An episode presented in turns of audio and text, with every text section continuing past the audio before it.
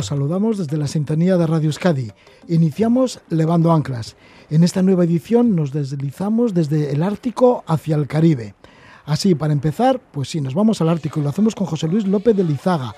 Él se compró un pasaje en una goleta holandesa de tres mástiles construida en el año 1994 y navegó por las islas Svalbard para alcanzar la costa oriental de Groenlandia. Escribió sobre un cuaderno artesanal de papel grueso y tapas de cuero todo lo que le estaba sucediendo y esta narración lo ha traspasado a las páginas del el libro que lleva el título El Ártico, viajes a Svalbard y Groenlandia en el verano de 2018. José Luis nos cuenta las reflexiones de un profesor de filosofía en el Ártico. Estamos también con Elena Bengoechea, ella es periodista, realizadora de documentales, estudió en la Escuela de Cine de San Antonio de los Baños en Cuba.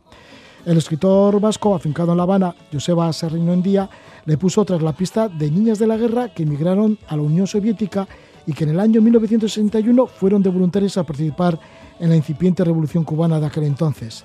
Elena investigó, encontró algunas niñas Mm, sí, ya pues muy ancianas, y ha elaborado el documental Matriorcas, las niñas de la guerra. Nos hablará de esta investigación y nos hablará también de sus estancias en Cuba. Así que este es el contenido de Levando Anclas. Ahora nos vamos hacia el Ártico. Lo hacemos con José Luis López de Lizaga.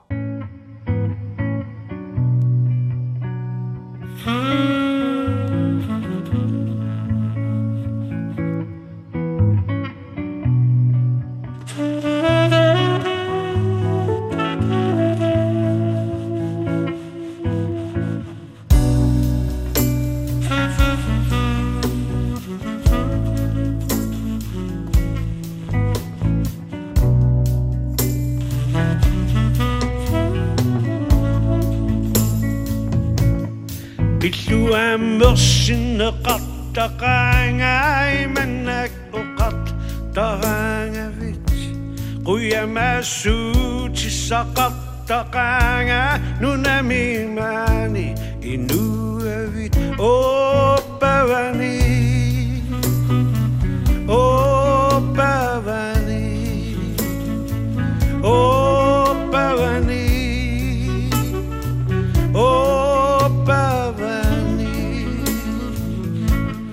biusci sang la milinut angels simenera nalungi kanisi larsua mädänosämik tunisi sok opäväni opäväni opäväni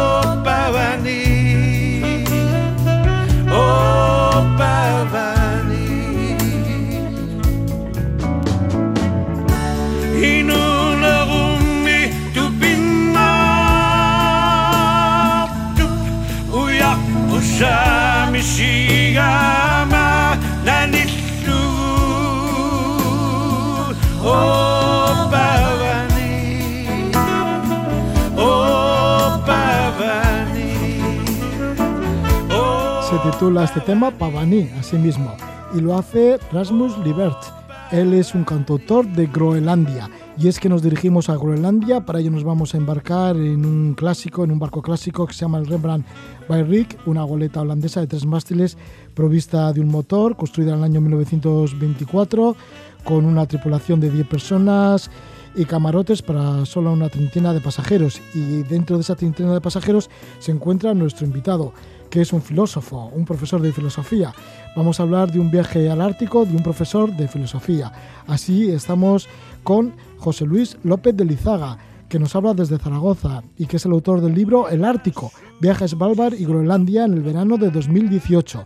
Se publica por la ERTES y vamos a repasar sus páginas con el propio autor, con José Luis López de Lizaga.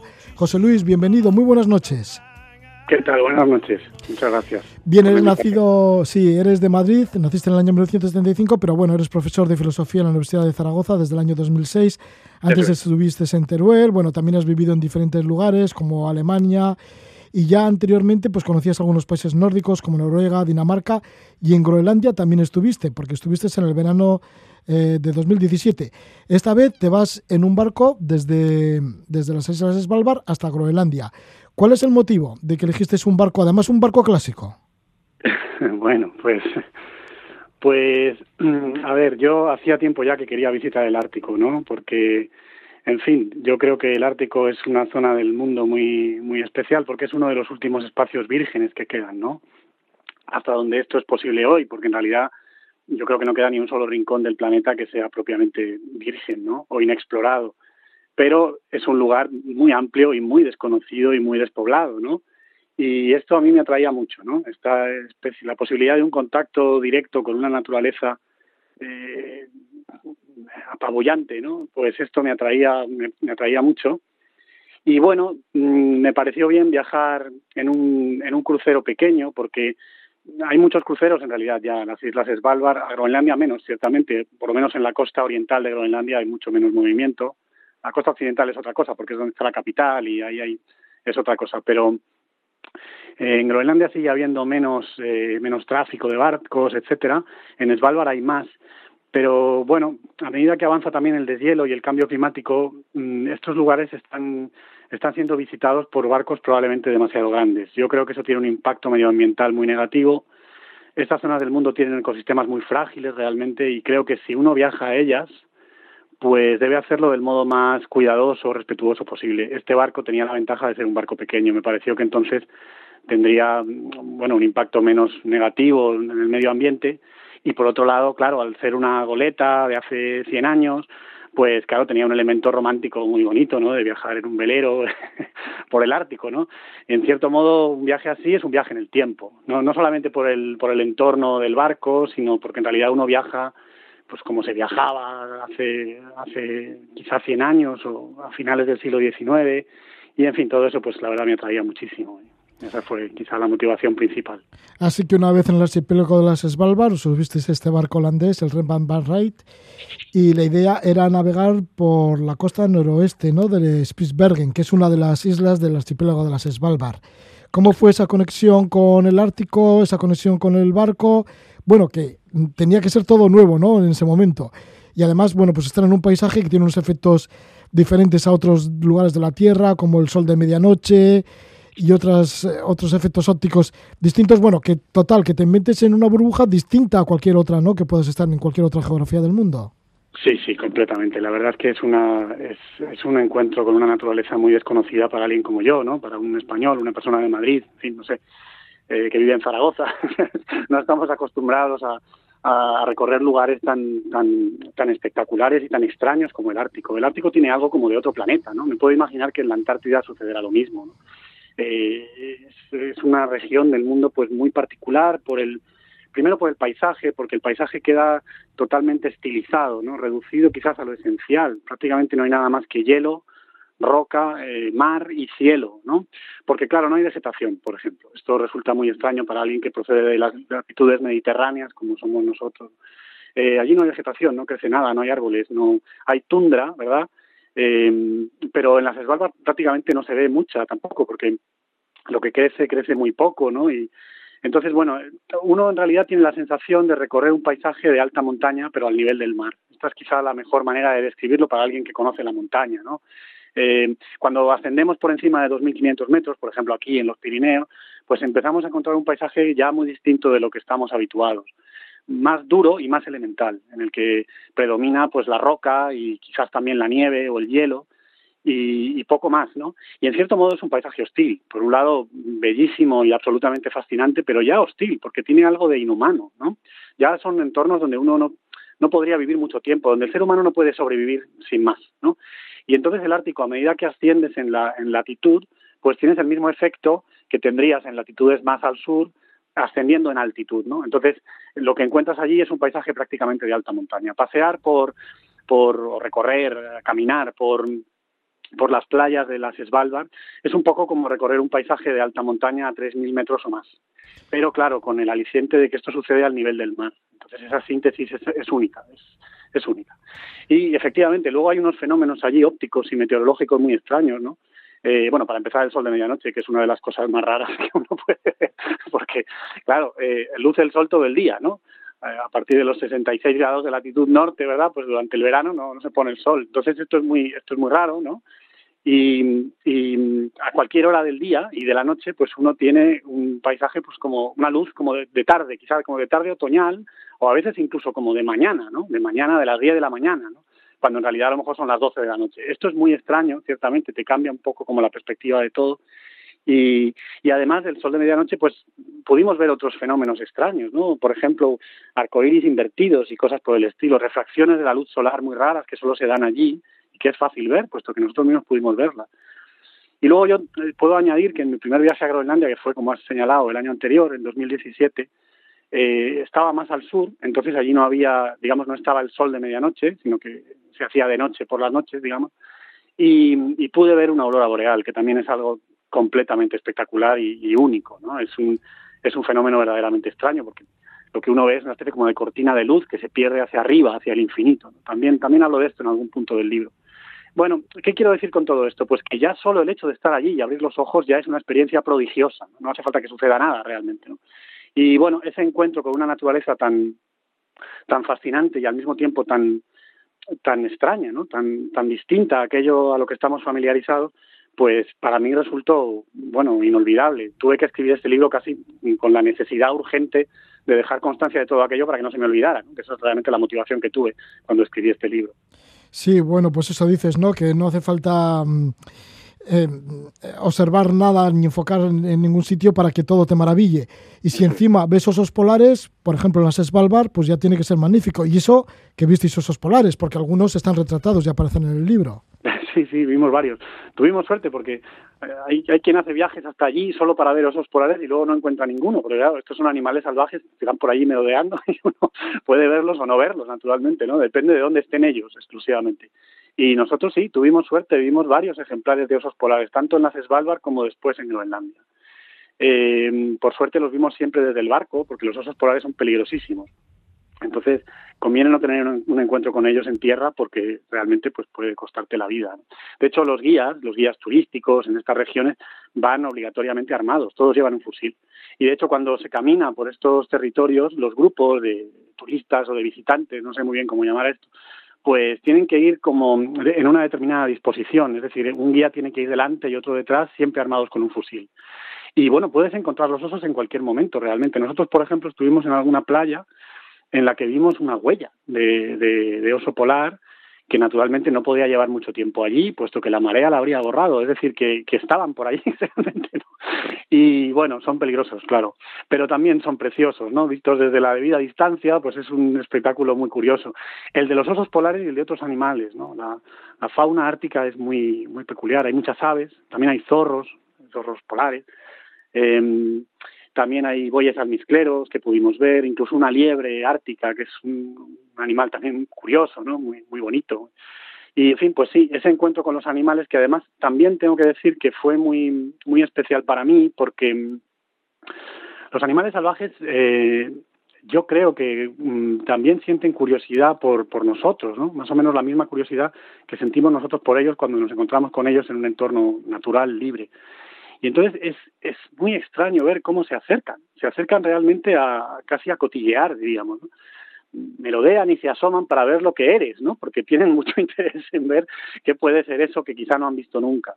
Eh, yo recuerdo la, la cara de desconcierto eh, con la que nos miraban unas focas que nos encontramos frente a un glaciar ahí en las Svalbard, ¿no? Había, había un grupo de focas acostadas ahí sobre una especie de piedra, ¿no?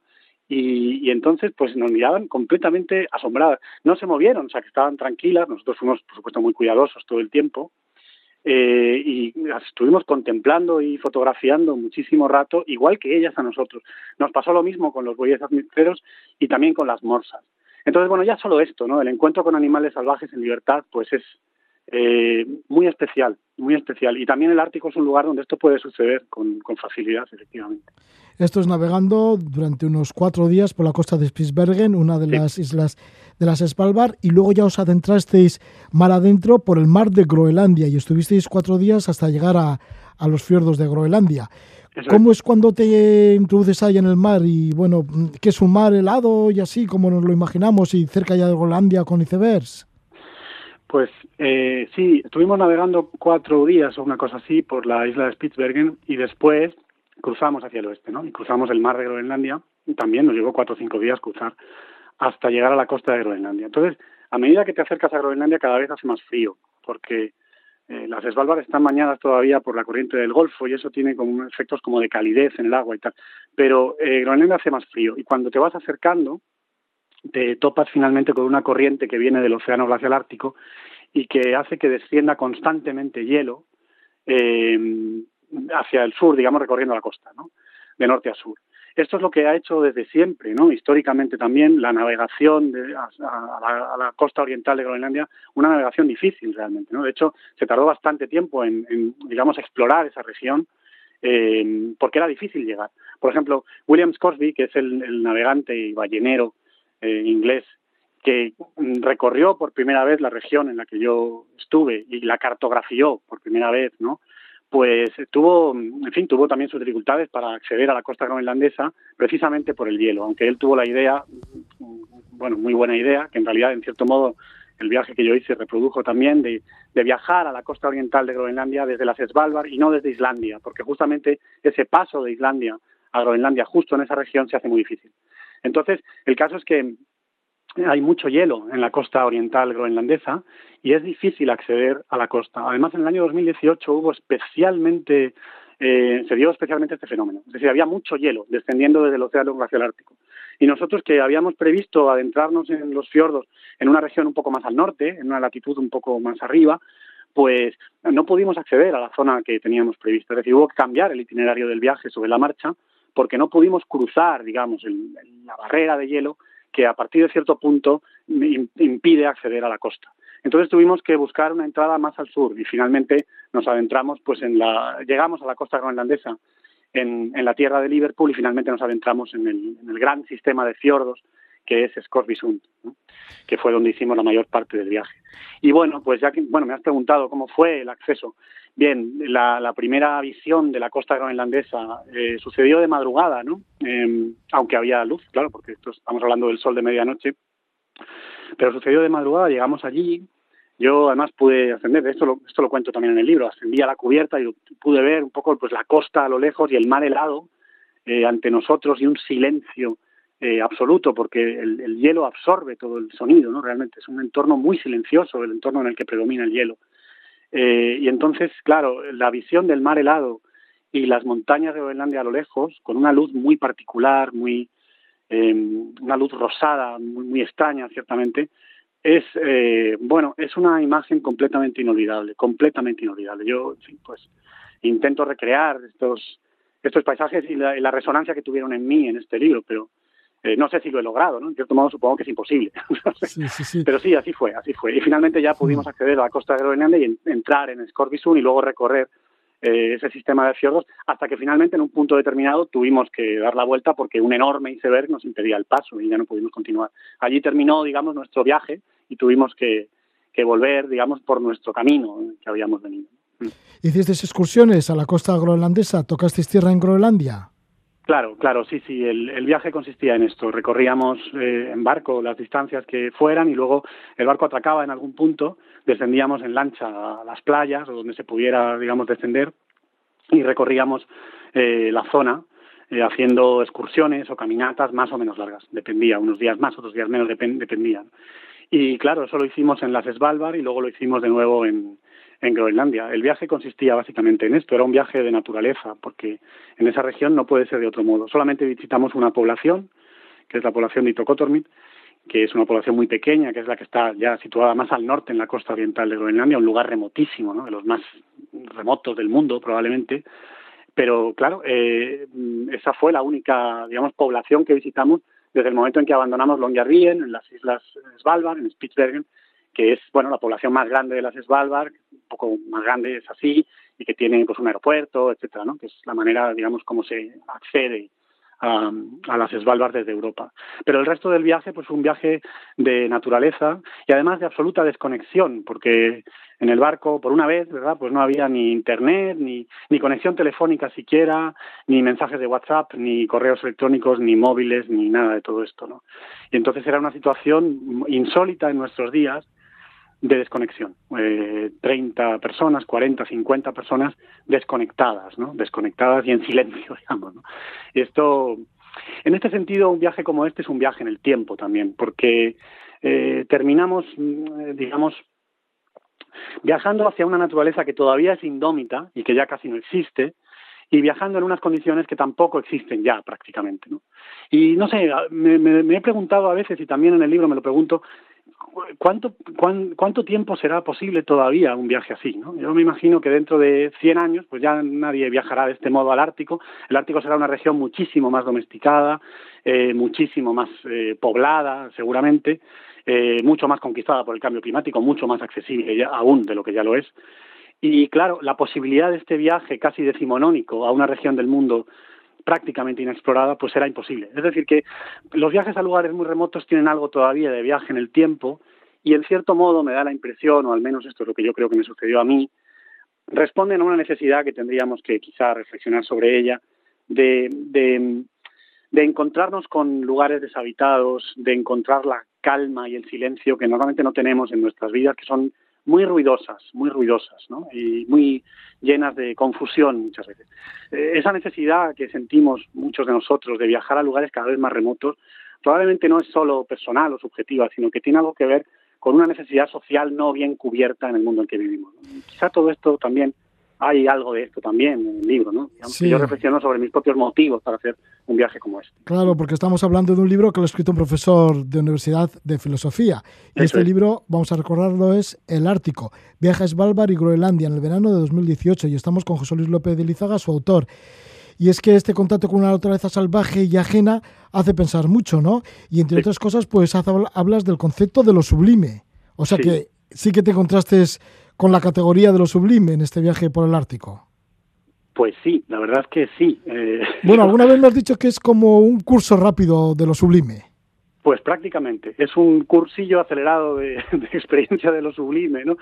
Eh, pues sí, la verdad, porque claro, esto de lo sublime es una categoría de la, fin, filosófica, ¿no? Concretamente estética, ¿no? Pertenece a la reflexión filosófica sobre el arte y las obras de arte junto con, su, con otra categoría, digamos, hermanada con ella, que es la categoría de lo bello. Entonces, en el siglo XVIII se puso como bastante de moda eh, reflexionar sobre lo bello y lo sublime.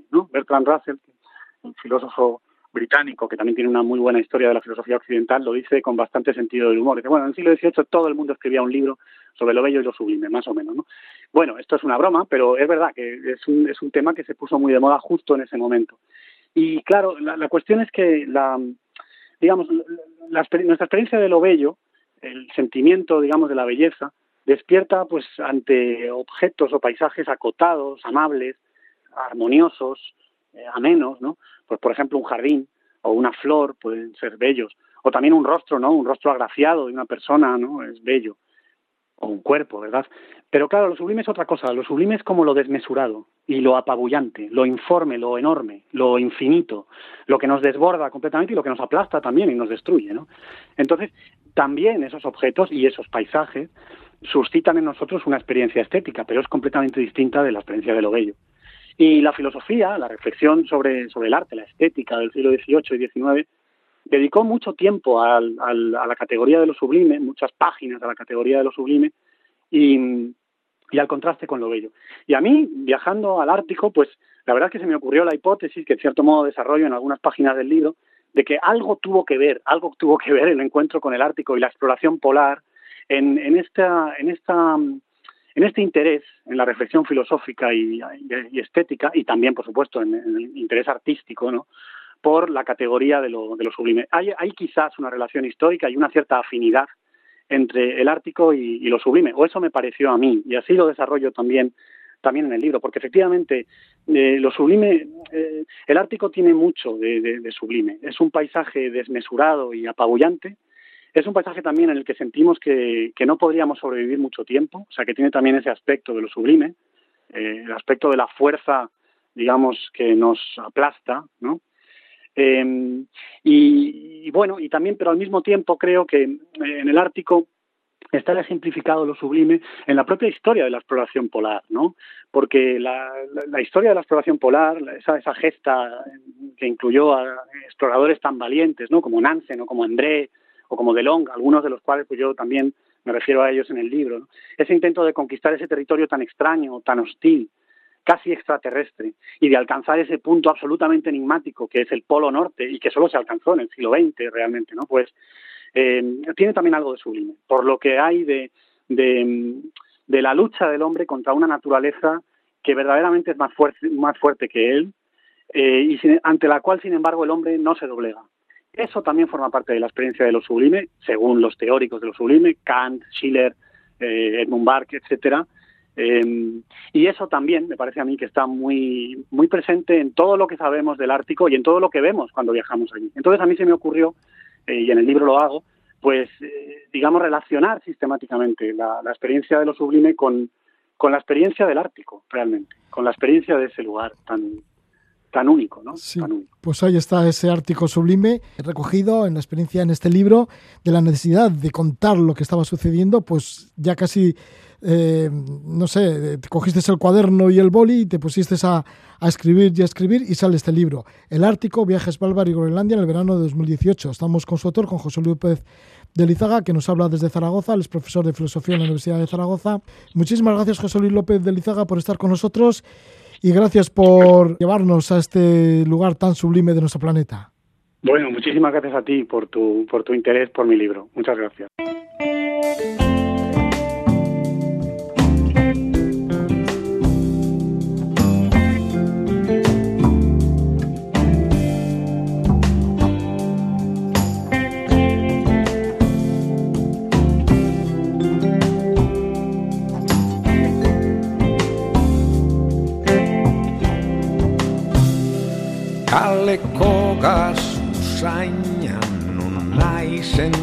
Sentitzen da abanako kaletan. Eta badiako kresalarena eta sala eta kroketa txinuena. Eta kalepeko estoldetakoa eta guagua barruko jendearena Eta kedarren eta kafesnearena eta automobilen kearena. Uaia pastela bezain goxua moriua bezain zoroa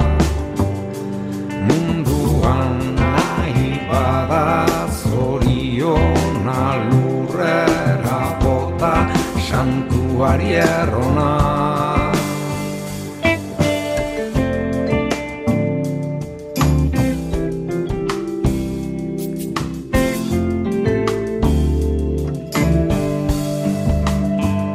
Eta itxas berarekin heldu oiden arrainilen usaina.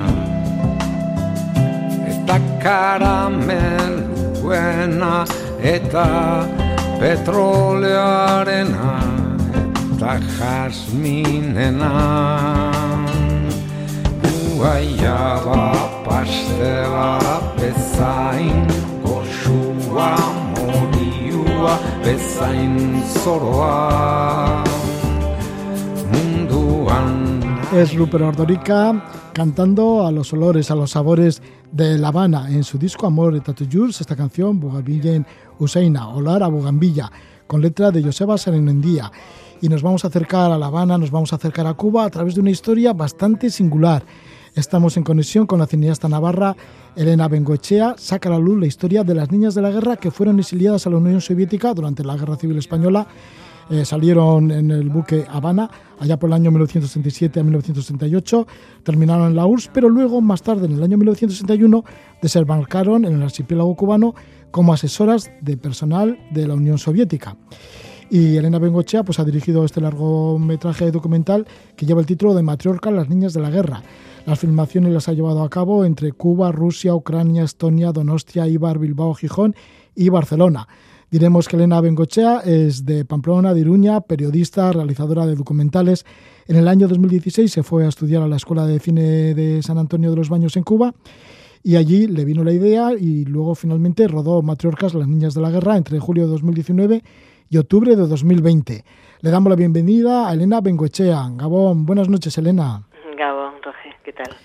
Bien, Elena, ¿cuándo empieza tu vinculación con Cuba y su realidad social y la realidad de estas mujeres también que están como muy olvidadas en la historia? Sí, bueno, mi relación con Cuba es un poquito más vieja que, que el inicio de, de esta historia, tampoco mucho más. ¿eh? Yo la primera vez que fui a Cuba fue en el año 2000 y después he viajado pues unas cuantas veces.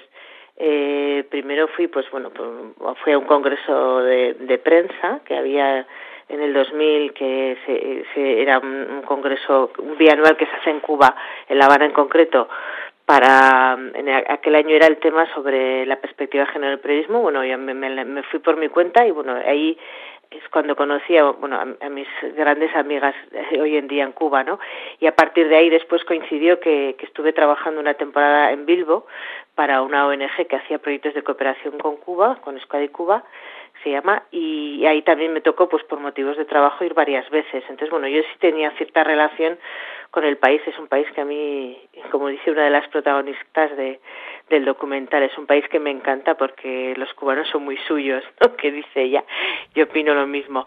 Y como bien has dicho a partir del 2016 es cuando cuando yo me encuentro con con esta historia no con esta que que bueno que me estaba sonriendo cuando escuchaba qué gran disco, por cierto, de, de Rupert Ordorica, la letra de Sarriona India, que la idea, pues para ser justas hay que decirlo, la idea original no fue mía, sino que fue precisamente suya, porque la primera persona que me habló de, de, de, estas, de estos niños de la guerra que no se quedaron en, en la Unión Soviética, sino que viajaron en el 61 a Cuba, me la contó Joseba Sarriona India. Yo no, yo no sabía, sabía que habían ido a la Unión Soviética y otros países, porque esa historia bueno no es muy, no es tan conocida como debiera ser pero bueno más o menos se conoce. Pero tal vez el, de esta de este grupo que en el 61 viaja al Caribe a, a Cuba a trabajar como tú bien has dicho para bueno de asesores y sobre todo traductores de de toda de todos esos asesores y consultores soviéticos eh, yo esa historia no la sabía, es bastante desconocida. Y, y me enteré así, me enteré por casualidad y empecé un poco a tirar del hilo él me ayudó también a, a, conseguir los primeros contactos y ahí empezó todo, en cuando mientras yo estaba en la escuela, hace ahora cinco años, que se pasa rápido el tiempo. Por cierto, ¿cómo es el plan de estudios en la Escuela de Cine de San Antonio de los Baños, que tiene tanta reputación, que hayas estado estudiando? Pues yo hice no hice el curso regular, eh, que, que, desde los inicios de la escuela es, son dos años de estudios especializados en cine, que hace desde hace algunos años ya son tres, son tres en vez de dos. Eh, yo no hice el curso regular, sino lo que hice eh, es una, una maestría, que es más o menos medio año unos seis meses de, de, de, trabajo y en aquella ocasión era el primer año que se, que se hacía, estoy en la, en la primera promoción de, de esa maestría en, en, en cine documental creativo. Eh, en aquel momento, eh, fuera de lo que es el curso regular, había otra maestría de, de guion, que ya lleva años, y después se ha hecho alguna otra de cine ensayo y tal, pero las que se mantienen hasta el momento que yo sepa son la de documental creativo, que es la que hice yo a través de la cátedra de documental, y la de guion, que es a través de la cátedra de guion. Los, los, el sistema eh, de enseñanza, digamos, el sistema pedagógico que se utiliza tanto en las maestrías como en el curso regular es bastante peculiar, porque eh, digamos que que la escuela es, es, es una es como un es como un monasterio porque tú vives eh, en San Antonio de los Baños que es un, pueblo que está en la provincia de Artemisa que está como no sé mm, no sabría decirte kilómetros son, no son muchos 35 40 como mucho pero es una hora de viaje más o menos eh, teniendo en cuenta cómo son las, guaguas en Cuba.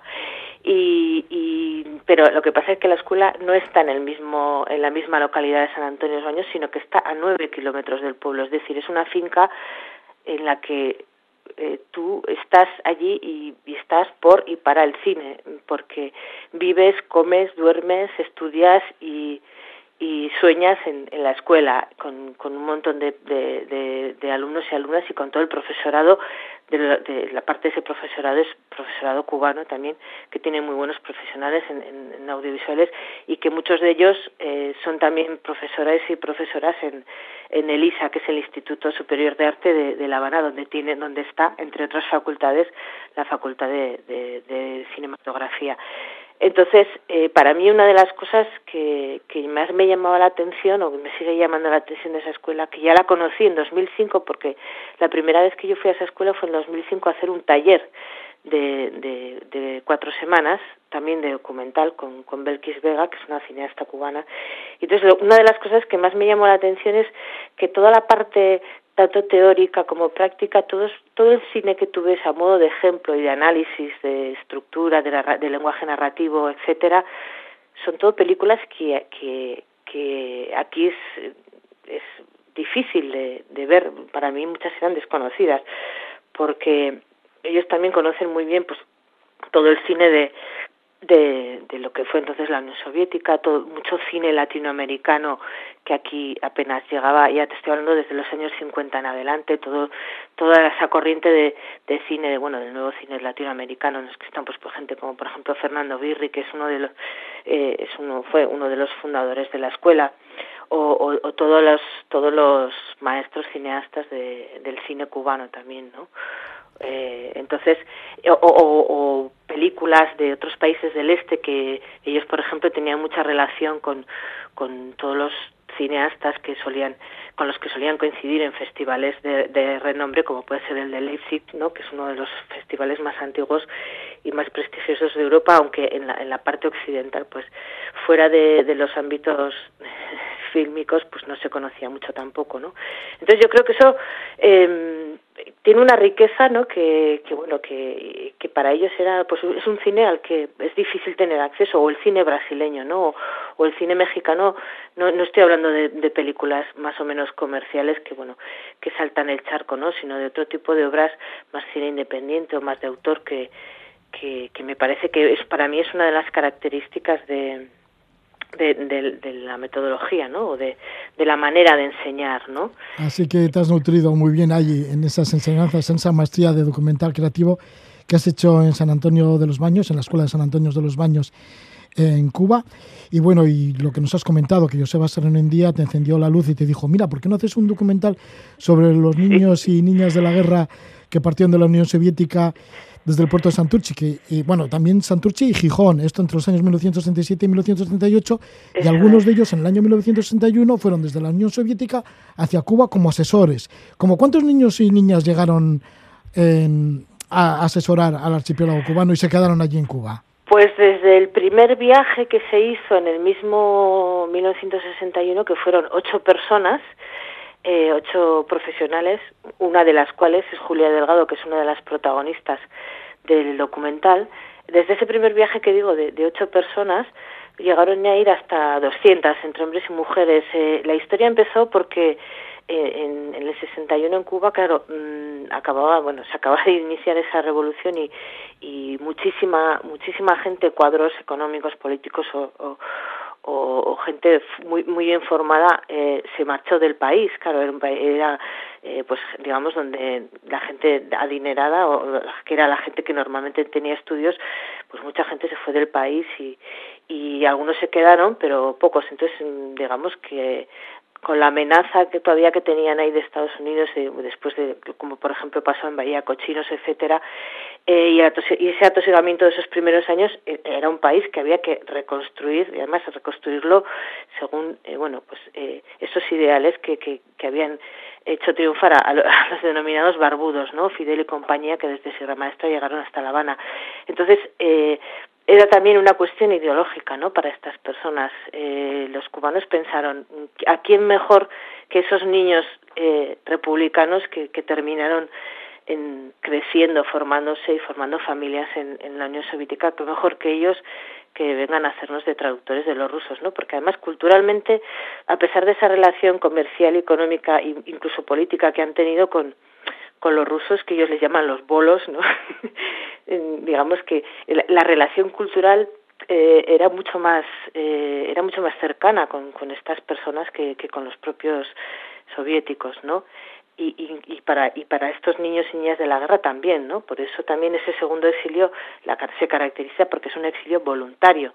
Vuelven a, o sea cruzan el, el, a otro continente voluntariamente. Cuando ya llevaban un primer exilio a sus espaldas pues porque por esa afinidad ideológica también la mayoría de, estas personas que, que estaban en, en, lo que entonces era la Unión Soviética provenían de familias de, de dirigentes de militantes del Partido Comunista o del Partido Socialista Unificado y, y o otros que tampoco o que eran hijos de sindicalistas pero que tampoco tenían una afinidad ideológica pero que se habían educado en, es, en, ese socialismo también no y entonces vieron también una oportunidad de bueno de pues de contribuir a, a, a construir de alguna manera ese, ese país que además un, un clima y a su favor un clima y un idioma que, que no tenían en, en Rusia, ¿no? Sí, sí. Entonces, ¿Y, cómo, bueno, ¿Y cómo se fueron adaptando, no? Estos niños de claro. la guerra, ¿cómo se fueron adaptando primero a la Unión Soviética y de la Unión Soviética luego a Cuba, ¿no? Porque ya has dicho, el exilio fue a la Unión, a la Unión Soviética, pero ya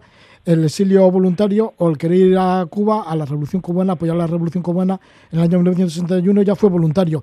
¿Cómo se han ido adaptando con el tiempo, pues, a la vida en Cuba? ¿Qué es lo que te han contado? Pues fíjate, una cosa es muy curioso porque eh, yo a las, a las, a las mujeres, porque el, el documental yo solamente... Eh, sí, perdona, eh, porque todas sí. estas mujeres que has entrevistado y muchos sí. de los que fueron de la Unión Soviética a Cuba son profesionales, ¿no? Ingenieros, sí, profesores. Eso es, eso es. Sí, la mayoría, bueno, es verdad que hubo de todo también y es verdad también que de alguna manera mucha gente se su, su su porvenir se le truncó con la Segunda Guerra Mundial, que la padecieron todas y todos, pero algunos la sufrieron realmente eh, con su vida incluso, ¿no? Cuando eran ya unos adolescentes, ya que llevaban como tres, cuatro años allá y, empezó esa guerra que para ellos fue muchísimo más dura. Entonces, claro, eh, a pesar de que todas coinciden, como te decía, todas eh, coincidían en esa, bueno, en esa ilusión y en ese querer eh, ir a, a Cuba, ¿no? pero también eh, todas me, me decían que al principio les costó porque ellas ya llevaban se habían hecho soviéticas de alguna manera, ¿no? Entonces, eh, por ejemplo, Alicia me decía que ella que ya se daba cuenta que ella, claro, estudió medicina, se especializó en neumotesiología, pero toda su carrera la hizo en Moscú y la hizo en ruso, obviamente. Entonces, claro, pues ella decía, yo cuando vine a Cuba me di cuenta que yo había perdido eh, ya hablaba mejor el ruso que el castellano. Sin embargo, esto cuando ella me lo cuenta, su acento no es ni ruso ni cubano. Parece que es aquella cría que salió de Baracaldo, que es de donde, donde ella nació con 12 años. ¿no? Esto es muy curioso también porque eh, a pesar de, que la inmensa mayoría de su vida la han vivido fuera, no, ten, no ninguna, en, en, ningún momento me encontró con ninguna que tuviera un acento especialmente relevante ni de un sitio ni del otro. Esto es muy curioso también.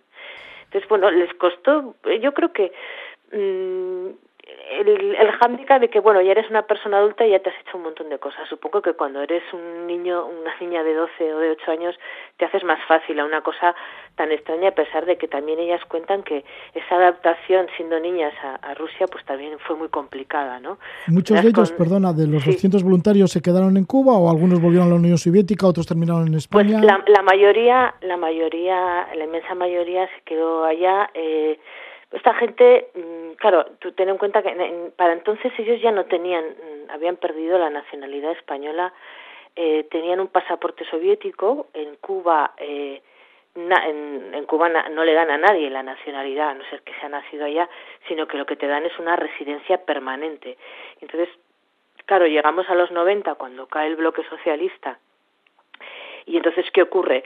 Que, que todas estas personas, pues ese esa metáfora del, del, del, del expatriado que no que su patria está en ningún sitio se fue literal porque mm, su pasaporte ya no servía ya ni eran soviéticas ni ni eran cubanas ni eran españolas ni eran nada.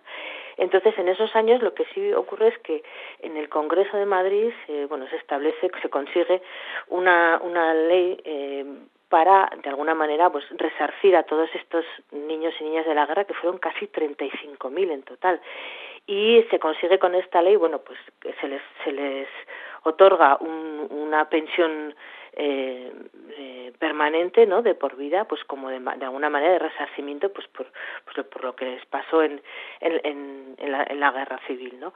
Y entonces estas personas, eh, en ese momento, en el, en el 90, cuando ya muchas de ellas ya, pues ya tenían una edad, eh, lo que sí ocurre en ese momento es que, que hay varias personas de estas que estaban en Cuba que al recuperar de alguna manera su pasaporte español, pues deciden volver deciden volver a, a, su casa pues muchos pues para bueno pues para pasar sus últimos días posiblemente porque ya ya mucha gente ya se había jubilado para para los años 90 además coincide con el inicio del bueno de, del desastre económico que supuso para Cuba el, la caída de, del bloque socialista no de lo que allí se conoce como bueno el periodo especial no que dicen en Cuba Sí, has, nombrado, has, nombrado, a una de tus protagonistas, ¿no? Alicia Casanova, de Baracaldo, que salió con 12 años, médica, sí. y que fue en 1961 a apoyar la revolución cubana para asesorar a los bueno, pues a los expertos de la Unión Soviética que se acercaban por allí, pero bueno, en realidad son cuatro las protagonistas, ¿no? Sí, Todas ellas son cuatro, son de cuatro. más de 90 años, o sea que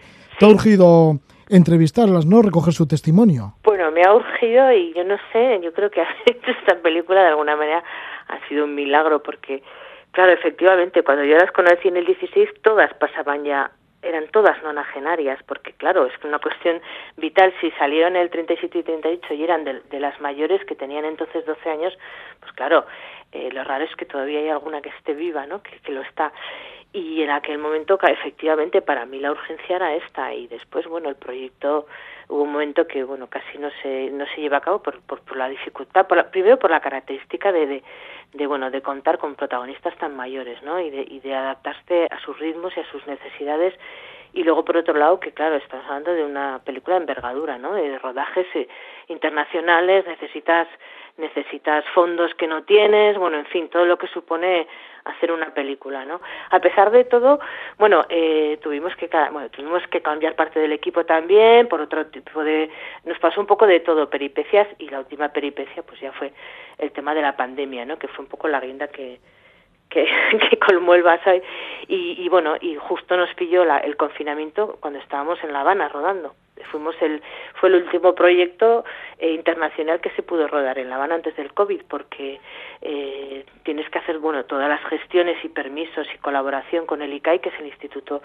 de Cine y Artes y de Cine y la Industria Audiovisual de Cuba del ICAIC y, y, ellos nos acompañaron el último día que salimos de Cuba por los pelos, porque ya el aeropuerto estaba cerrado, solamente se podía salir ya en vuelos de, de repatriados y, y, aquí ya, aquí yo creo que ya llevabais como una semana o dos de confinamiento, allí todavía eh, no sé, no, ni se, se, había oído algo hablar de un virus que venía de China y tal, pero sí. pero fue así. Entonces, claro, ahí sí que tuvimos que teníamos previsto después ir a volver a Rusia y ir también a rodar a Estonia y, y bueno y solamente pudimos terminar el rodaje después en Barcelona después cuando empezó la desescalada, pero pero digamos que del, del rodaje inicial o de lo que estaba previsto al principio pues yo creo que habríamos rodado un 45% de lo que realmente queríamos hacer. Bueno, Con lo pero, cual, bueno, ahí sí. le dimos un poco la vuelta a la película, le dimos un poco la vuelta al guion,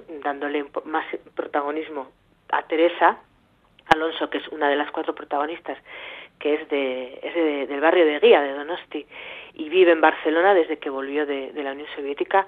Y bueno, y así hicimos la película, que por cierto, me has preguntado antes si todas, muchas se quedaron eh, y esta, por ejemplo, en el caso de Teresa, ella nunca estuvo en Cuba. Eh, ella está en la película porque era estaba en, el Colegio de Niños de Kiev, en Ucrania, con Alicia Casanova. Eran, eran amigas y, no, y ella no la veía desde el 41. Entonces intentamos hacer ahí, de alguna manera, un reencuentro entre ellas, ¿no? cuando ya eran muy mayores. Por eso ella, el sentido de que, de que ella está en la película, además de que su vida es tan fascinante como la de las demás y, es cierto que cada una de ellas tiene por sí sola una película, ¿no? Y luego está la, eh, la cuarta persona de la película que es eh, Araceli eh, Ruiz, que es asturiana, era asturiana, murió el año pasado con 96 años. Araceli es con la que hicimos el primer viaje a Rusia porque se hizo un homenaje precisamente de la llegada de, los niños y niñas en los barcos y fuimos con ella, entonces estuvimos rodando en Moscú, fuimos a su antiguo barrio fuimos al cementerio donde está enterrado su primer marido. Eh, Alicia, eh, Araceli, perdón, Araceli es de las que de ese grupo de 200 que fue junto con su marido a La Habana y después eh, en vez de regresar, ella no se quedó en La Habana, sino que regresó a regresaron, bueno, regresó con su marido a Moscú hasta que en los años 80 ya volvió a, su a su tierra, Asturias, y desde entonces vivió en Gijón. Ella dijo que no iba a volver hasta que Franco muriera. Justo su marido murió cuatro meses antes que Franco y ella al final vino en el año 80 con una de sus hijas. Pues ahí están estas protagonistas, Araceli Ruiz, Teresa Alonso, Alicia Casanova, son algunas de las protagonistas de, esta, mm, de este largometraje documental, Matriorcas, las niñas de la guerra, y estamos con su autora, con Elena Benguechea, que estuvo estudiando, bueno, haciendo una maestría documental creativo en la Escuela de Cine de San Antonio de los Baños en Cuba. Gracias a Joseba día pues le dio la idea de que por qué no hacía un documental sobre los niños y niñas de la guerra que en el año 1961, bueno, niños y niños de la guerra que salieron en el año 1967 y 1968 de la Guerra Civil Española, además en un buque que se llamaba así Habana. Bueno, Qué pues, premonitorio. Sí, premonitorio. y algunos pues fueron a Inglaterra, algunos de esos niños, otros a México, otros a Bélgica, otros a Francia, algunos a la Unión Soviética y de la Unión Soviética, algunos de ellos, pues pasaron en el año 1961 pues a apoyar la revolución cubana y, y, de esto trata este documental de Elena Bengochea, estas matriorcas, las niñas de la guerra. Pues muchísimas gracias por habernos hablado de estas mujeres y estos hombres que han quedado olvidados por la historia y que tú lo recoges en este largometraje, eh, en este largometraje documental. He intentado eh, cuatro historias que bueno que todavía quedan quedan digamos que eh, son las últimas personas vivas no de que, que vivieron en parte la, guerra civil. Entonces bueno es importante rescatarlas del olvido y que, y que y que cuenten no porque creo que nunca es tarde para hacer este tipo de, de reconocimientos. Gracias Elena Bengochea a vosotros. Gracias Roger que ricasco. No me llores, no me llores. Elena Bengoechea ha sacado a flote la historia de las niñas de la guerra que fueron a la Unión Soviética y que luego llegaron a Cuba en el año 1961 para participar en la Revolución Cubana. Vamos a cerrar el programa de Levando Anclas, por supuesto, con música cubana. Es el grupo Sierra Maestra. Sierra Maestra que se formó en el año 1976 para revivir el sonido clásico son de los años de 1920. Vamos a escuchar el tema No me llores más. Alegría, dulces sueños, la aventura continúa.